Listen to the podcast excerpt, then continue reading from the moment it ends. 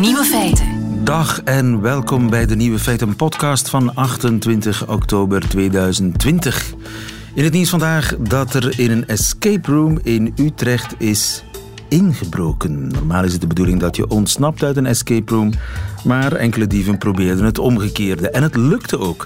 En al snel zagen ze een grote zwarte kluis in de kamer staan. Kassa, kassa, dachten ze.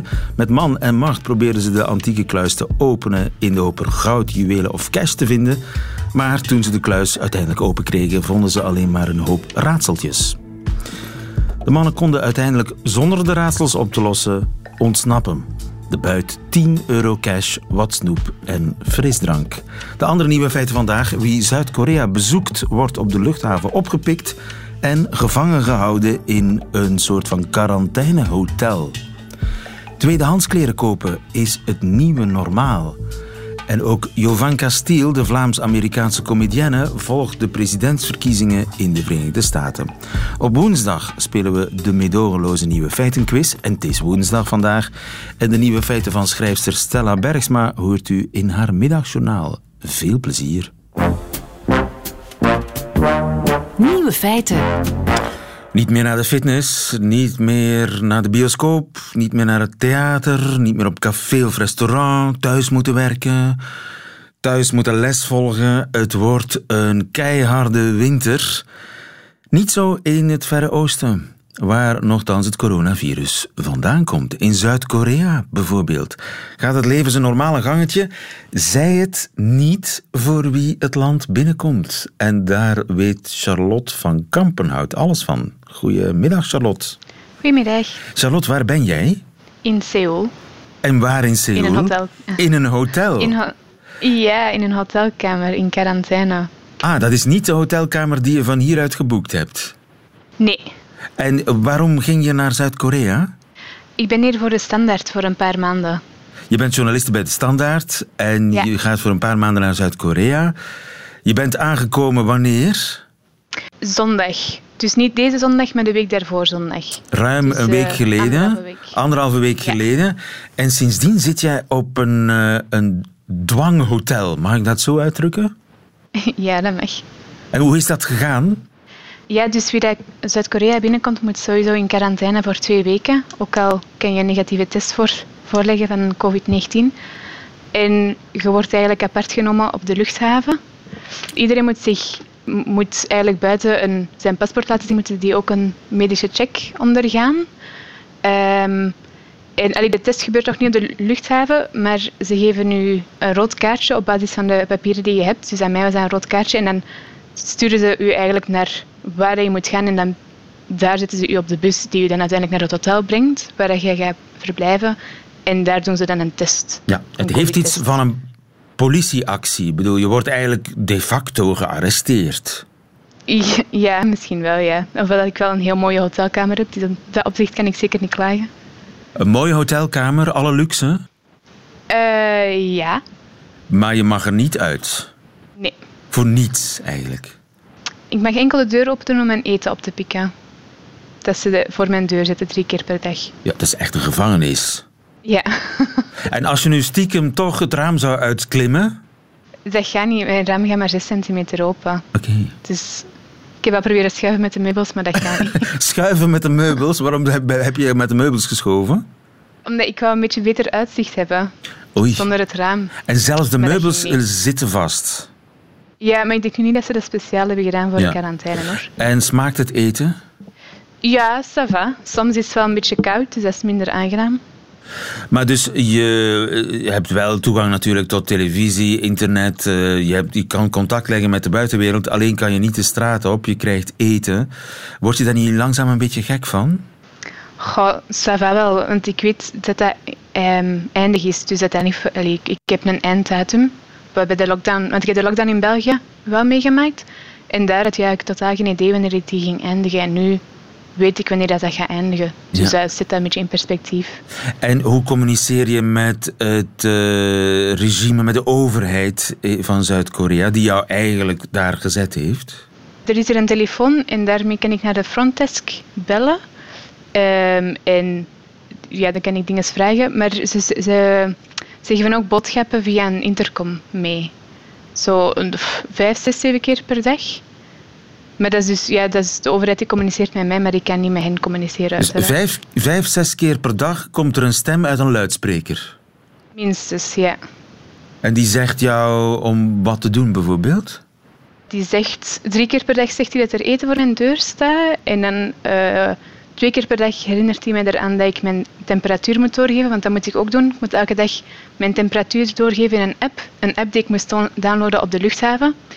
Um, en daarin moet ik ook ingeven of dat ik symptomen heb of niet. Um, en uh, de luidspreker zegt ook dat ik zeker niet naar buiten mag gaan, want dat er camera's zijn en dat, ik anders een boete krijg en dat dat niet mag van de wet. Uh, en ook dat ik mijn kamer moet verfrissen. Dat dat heel belangrijk is. Oké. Okay. Het, klinkt, het klinkt echt bijna Noord-Korea, bijna een totalitair regime. Uh, het is heel, heel streng. Uh, diezelfde strenge aanpak wordt die ook toegepast bij uh, Zuid-Koreanen die positief getest worden? Die moeten ook in quarantaine, maar in hun eigen, in hun eigen huis dan. Ehm, nu, ik ben natuurlijk nog niet op Seoul zelf geweest, hè, dus ik weet, uh, ik weet niet hoe strak het daar allemaal is, maar ik weet wel van mensen die ik al heb gesproken dat, dat mondmaskers nog wel gedragen worden op straat, maar dat bars open zijn, dat je ook gewoon kunt afspreken met mensen, dat je geen bubbels hebt of zo. Maar als je positief test, dan weet ik niet zo goed wat dan ja. Uh, wat er dan gebeurt natuurlijk. Daarvoor ben je natuurlijk uh, in Zuid-Korea voor de, voor de krant om dat te gaan onderzoeken. Maar het lijkt erop dat zij uh, de dance beter doen dan wij. Hè. Je hebt de theorie van de hammer en de dance, de hamer en de dans. De hamer is het virus platslaan. Maar als dat gebeurd is, moet je met het virus leren dansen. Dat betekent je moet ermee leren omgaan. En, en dus niet de boel de boel laten, maar van zodra heel goed in de gaten houden waar nieuwe uitbraken plaatsvinden en daarna keihard weer die hamer bovenhalen. Heel lokaal dan. Dat is, wat ze, dat is officieel de politiek, hè, neem ik aan, in Zuid-Korea. Ja, ja, want ze sturen ook meldingen naar mijn gsm. En daarop staat ook uh, hoeveel mensen positief hebben getest. En dan kan ik ook naar een blog, een soort van blog gaan van de overheid, waarop dat echt het rijkt staat van die persoon. Dus daar staat ook waar dat die persoon is geweest en zo. Zonder uh, naam en toename, maar uh, ja, wel vrij... Het gaat zeer ver. Ja. Ja. Hoe lang moet je nog in uh, je, je, je, luxe gevangenis blijven? Tot zondag. Mag ik je heel veel sterkte wensen. En het lijkt mij heel boeiend, ja, een heel boeiende ervaring wat daarna zal volgen ook in, in Zuid-Korea. Charlotte van Kampenhout, dankjewel. Goedemiddag.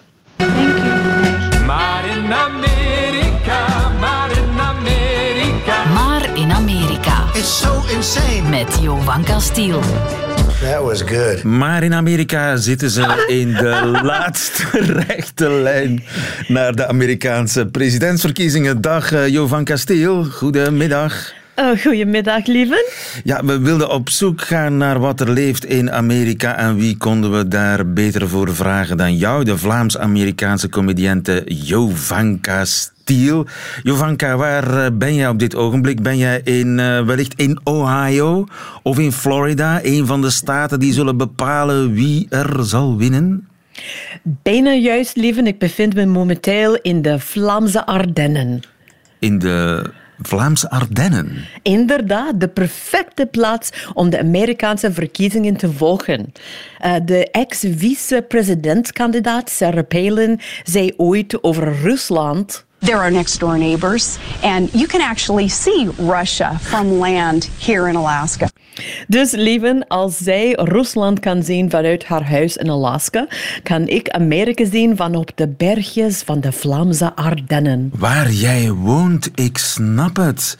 En wat uh, verwacht je nu zelf van de presidentsverkiezingen, Jovanka? Kalmte, rust en vrede leven. Ik denk dat gelijk wie er wint, de mensen in Amerika zullen op 4 november rustig hand in hand over straat lopen en samen liedjes zingen. Denk je dat echt? nee, natuurlijk niet. Het is Amerika, dus het moet en zal dramatisch zijn.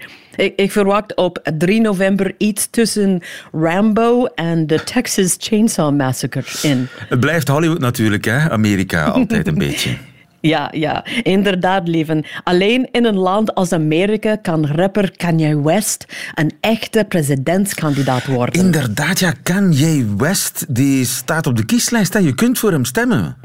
Ja, er zijn mensen die zeggen dat dat een complot is om zwarte kiezers weg te halen bij Joe Biden.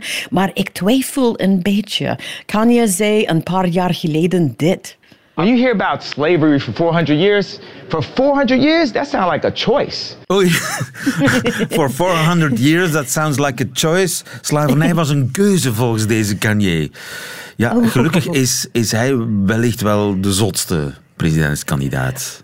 Dat is heel lief dat je dat denkt, lieven. Maar dit is Amerika. Kanye is een van de minst gekke kandidaten. Een van de minst gekke kandidaten. Zijn er nog gekkere? Weet je wie Brock Pierce is? Geen flauw idee. Brock Pierce. Brock Pierce. Vertel. Dat is iemand die president wil worden omdat hij als kind ooit het zoontje van de president heeft gespeeld in een Hollywood-comedie. Juist, ja. Dat is dus iemand met uh, jobervaring. ja, inderdaad. En ken je Phil Collins, lieve? Phil Collins, tuurlijk. Iedereen kent uh, Phil Collins, maar is die ook presidentskandidaat? Ja, maar jij denkt waarschijnlijk aan... Inderdaad. Hold uh, on. en dat zal een heel goede president zijn, leven. Maar ik heb het over meneer Phil Collins van de Prohibition Party. De, Prohibition Party. Heeft dat met alcohol te maken? Ja, ja, de naam zegt het al een beetje. Dat, dat is een partij die een totaalverbod wil op alcohol in Amerika. En Phil Collins is ongeveer de minst spannende presidentskandidaat ter wereld. Uh, op de vraag waarom ben je lid geworden van een Prohibition Party, zei hij na een volle vijf seconden stilte dat zijn partij tien punten heeft. En And I agree with a lot of the, the platform. I've never been drunk, so. Ja. Ja, hij, hij, is nog nooit dronken geweest, maar toch klinkt hij alsof hij net 19 duvels heeft gedronken. zeg dat wel, Jovanka. Uh, wie is jouw favoriete presidentskandidaat? Ah, mijn, uh, mijn favoriete. Absoluut. Voor mij is dat Greet de Keizer.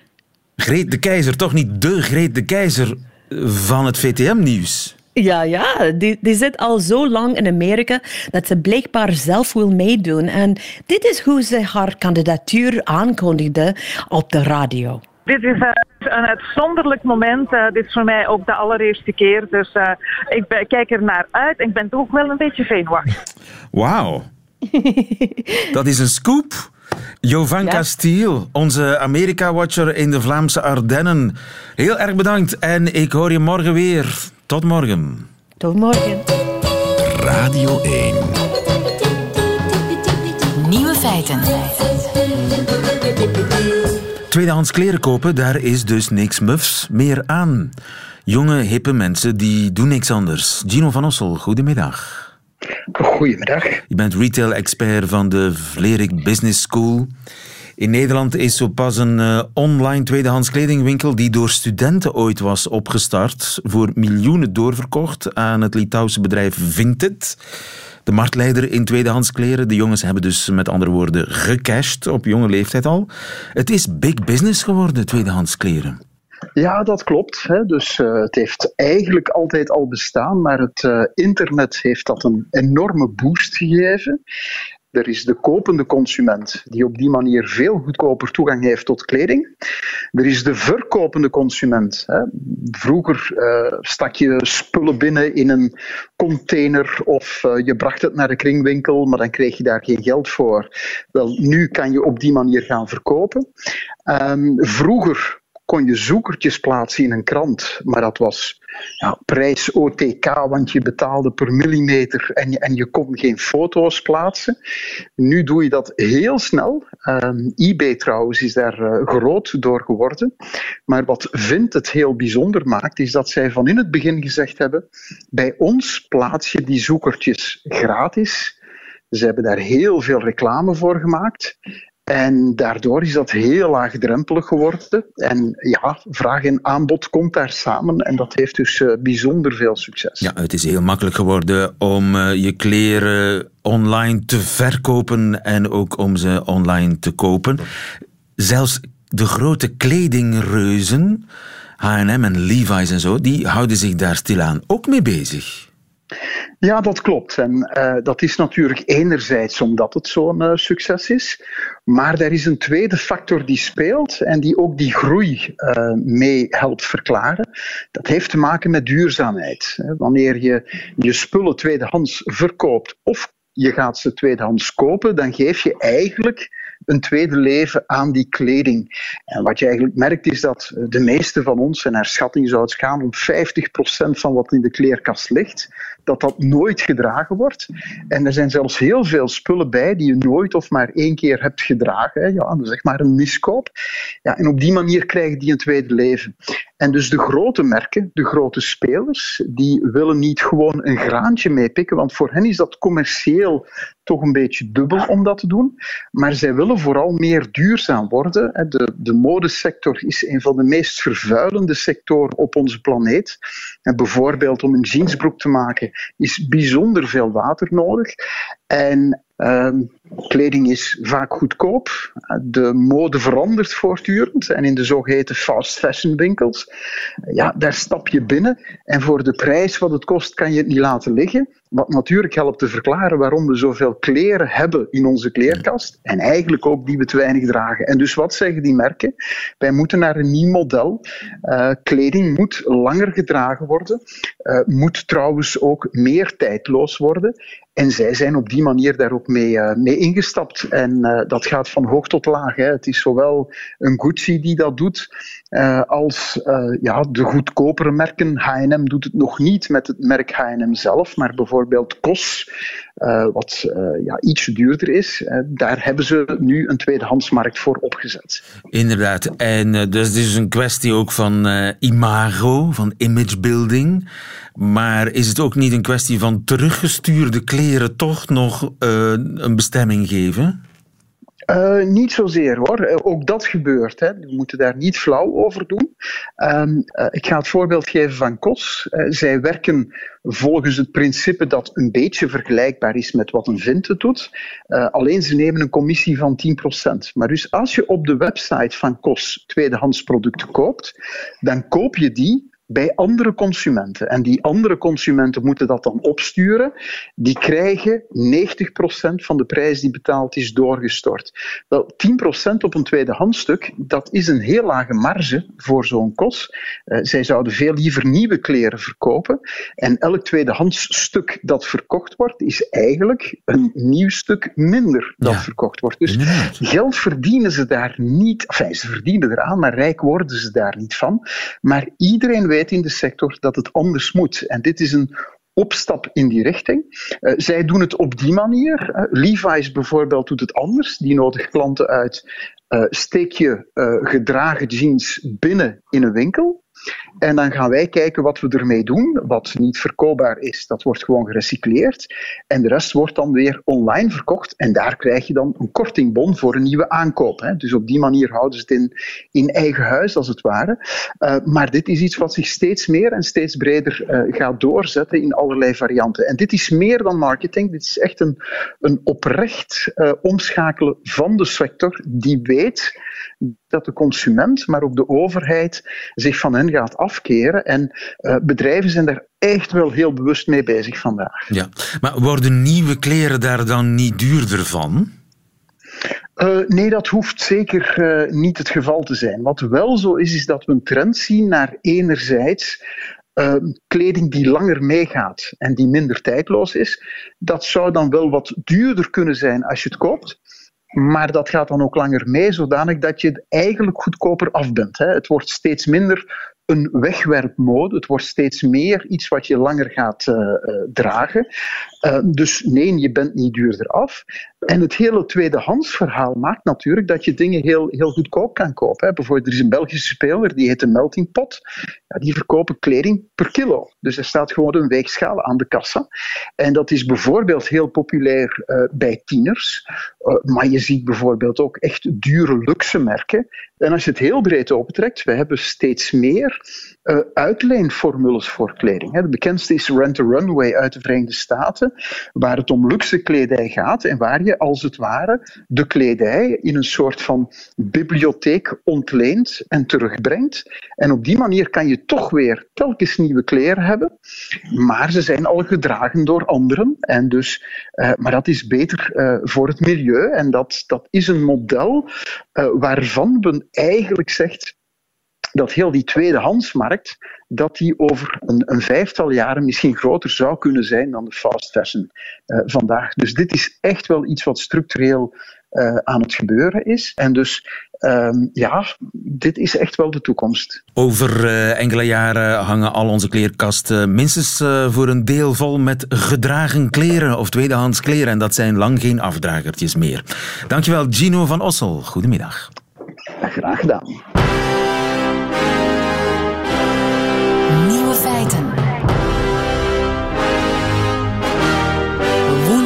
Woensdagquiz. Nu wordt het ernstig, want we spelen de woensdagquiz en uh, we spelen voor een boekenbon van 25 euro te verzilveren bij de onafhankelijke boekhandelaar aangesloten bij Confituur. We spelen met Joyce. Goedemiddag Joyce. Goedemiddag. Joyce Persoons, wat was je aan het doen? Ik ben aan het werken. Ik werk in de thuiszorg. In de thuiszorg en toch even tijd gevonden om mee te spelen aan de quiz? Ja, inderdaad een stukje van de middagpauze daaraan opgeofferd. Ik ben zo trots op je, Joyce. Willem, goedemiddag. Goedemiddag. Willem, wat was jij aan het doen? Uh, ik was aan het studeren en was net de tafel aan het dekken. Ach, ik ben ook op jou heel erg trots, uh, Willem. Ik heb, Dank u. Maar ik begin met uh, Joyce. Want uh, Joyce heeft zich het eerst gemeld. Ik heb vier meer keuzevragen. En zolang uh, Joyce juist antwoordt, blijft ze aan de beurt. Bij een fout antwoord mag Willem een poging doen. Wie het laatste juiste antwoord heeft gegeven, die wint de woensdagquiz. Is dat duidelijk? Ja. ja. We zijn vertrokken.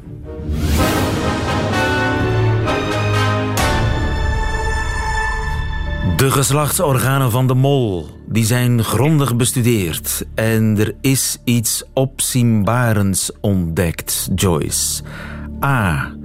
Vrouwtjesmollen hebben een uitwendige vagina. B. Mannetjesmollen zijn minder agressief omdat ze eierstokken hebben die oestrogeen aanmaken. Of C. Vrouwtjesmollen hebben teelballen. Joyce. Oei, wat een vraag. Um... Eén van de drie is echt waar. Goh, ik gok op B. Je gokt op B. Fout! Willem. Wat ik kies voor C. Jij kiest voor C. Vrouwtjesmollen hebben teelballen. Dat is helemaal goed. Mollen zijn uh, namelijk enorm territoriaal. Teelballen bij vrouwtjes maken testosteron aan, waardoor ze met de nodige agressie hun territorium kunnen verdedigen. Zo zit dat. Alle mollen, ook de vrouwen, hebben teelballen. Vraag 2, ik blijf bij jou Willem. Uit Nederlands onderzoek blijkt dat één specifieke factor heel je restaurantbeleving kan beïnvloeden. Welke factor? A. Gedimd licht doet namelijk de gerechten minder intens smaken. B. Mensen die bediend werden door een vriendelijke ober konden de ingrediënten van hun maaltijd beter identificeren. C. Klassieke muziek op de achtergrond deed bij blinde testen fastfood chiquer smaken. Wat blijkt uit Nederlands onderzoek, Willem? Ik denk antwoord A. Dat is helemaal goed. Gasten die onder gedimd licht aten, vonden hun eten minder intens smaken. Ze vonden het wel even lekker als de mensen die onder fel licht aten. Dus eten zien is eten proeven. Vraag 3, ik blijf bij jou Willem. Een foto van de Finse premier Sanna Marin zorgde vorige week voor een nieuwe internettrend. Waarmee werd het internet overspoeld? A. De premier deed een fotoshoot in de joggingbroek die ze draagt tijdens het thuiswerken en daarop wilde iedereen zijn mooiste thuiswerkoutfit tonen. B. Foto's met decolletés, want de premier droeg een diep uitgesneden blouse en kreeg daar negatieve reacties over. C. Foto's van foute, maar lekkere gerechten, want de premier toonde namelijk haar favoriete guilty food pleasure: pizza met ketchup. Ik denk Met de decolleté, antwoord B. Dat is helemaal goed. O'Connor Rousseau toonde zich van zijn meest empathische kant en stuurde een foto van zijn decolleté de wereld in. Diep genoeg om zijn indrukwekkende sixpack te showen. Willem, heb jij een indrukwekkende sixpack? Uh, nee, niet direct. Je hebt niet meegedaan aan de, aan de, de meme of, de, of de, de rage om je decolleté de wereld in te sturen. Uh, ik heb het zien passeren. Ik heb het zien passeren, maar ik heb, het zelf, ik heb zelf niet meegedaan. Nee. Laatste vraag. Zwarte katten, Willem, worden minder geadopteerd uit het asiel dan andere katten. Waarom is dat? A. Gelovigen willen niks te maken hebben met zwarte katten, omdat ze nog altijd geassocieerd worden met hekserij. B. Veel mensen vinden een zwarte kat niet in hun interieur passen. C. Ze komen minder goed tot hun recht op foto's en zijn dus minder aantrekkelijk voor Instagram. Willem. Uh, C, denk ik. Je denkt C. Dat is helemaal goed. Door hun kleur hebben camera's moeite met zwarte katten om hen correct te belichten, waardoor ze minder in trek zijn bij hippe baasjes die vooral content voor hun uh, content, zo heet dat, hè, voor hun uh, Instagram zoeken. Dat betekent inderdaad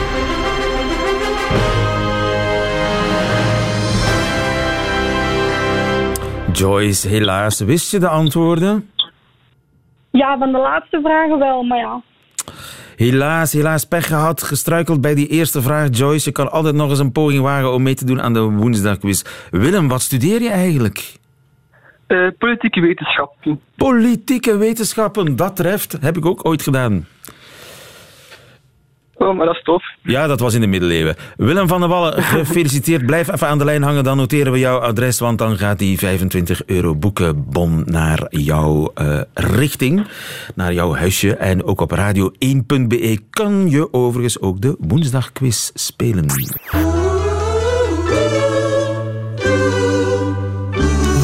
Feiten. En daarmee heeft u ze allemaal gehad, de nieuwe feiten van 28 oktober 2020. Alleen nog die van Stella Bergsma, de schrijfster, heeft u te goed. U krijgt ze in haar middagjournaal. Nieuwe feiten. Middagjournaal. Frisse mannenhaat. Verdorie, net met mijn tieten honderden mannelijke fans binnengeharkt, ga ik al die heerlijke heerschappen weer verliezen met mijn onderwerp van vandaag. Maar meestal blijven er toch wel een paar aan een tepel hangen hoor. Ze komen voor de borsten en blijven voor het radicaal feminisme. Want dat heb ik dus, hè, feminisme, chronisch. En het is vrij besmettelijk. Ben ik daarom een mannenhater? Nee, dat is een val. Een frame bedacht om kritische vrouwen monddood te maken. Worden mannen überhaupt wel genoeg gehaat? Als je kijkt naar de staat van dienst van misogynie versus die van misandrie, dan staat die laatste echt nog in de kleuterschoenen. Ja, er was ooit eens één gekke lesbienne die een manifest schreef en in de jaren zeventig riepen een paar feministen dat je niet met je onderdrukker naar bed moest. Maar dat alles haalt het niet bij het systematisch negatief gedachtegoed over vrouwen. Van de Malleus Maleficarum tot de Bijbel, van Homerus tot Wellebeck. Vrouwenhaat als norm wijdverbreider dan corona en met een R-waarde van ver boven de 1. Vrijwel iedereen is overigens door de eeuwen heen gehaat hoor. Vrouwen, joden, zigeuners, mensen van alle kleuren van de regenboog en van alle letters van het LHBTQ-alfabet. En de werkelijkheid is juist dat mannen de dans altijd ontsprongen zijn. En nou ben ik helemaal geen voorstander van haat en ook niet van generaliseren, maar wel van denken en dit geeft te denken. Hoe komt het dat kerels nooit de lul zijn geweest? Er zijn geen theorieën bedacht over hun rondzwevende testicles, hun penis is nooit gemeten, ze hoefden hun kledij niet aan te passen en ze mochten altijd voor in de bus. Op wat wijvengezeik in de kroeg na krijgen ze gemiddeld minder kritiek dan bijna alle anderen. Ze zijn verwend door de geschiedenis. Terwijl ze toch echt wel dingen hebben gedaan waar wat op valt af te dingen. Sterker nog, waar je zeker als vrouw wit heet over kan zijn. En misschien is het wel bevrijdend om, voor vrouwen om dat eens hardop te doen. En misschien is het zelfs wel bevrijdend om dat eens op een onredelijke manier te doen. Ja, in de lange lijn van onredelijke kritiek op alles en iedereen mag wat frisse mannenhaat natuurlijk niet ontbreken.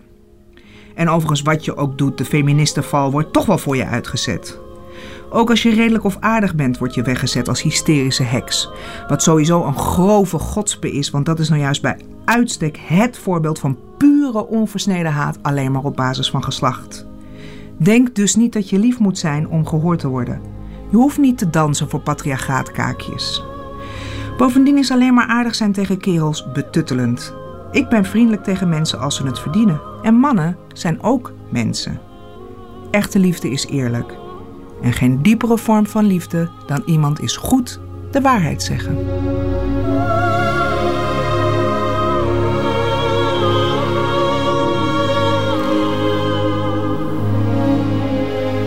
Puntjes op de i. Stella Bergsma in het middagjournaal. Einde van deze podcast hoort u liever de volledige uitzending van Nieuwe Feiten met de muziek erbij en alle toeters en bellen. Dat kan natuurlijk via radio1.be of via de Radio 1 app. Daar vindt u overigens nog veel meer fijne Radio 1 podcasts. Tot een volgende keer.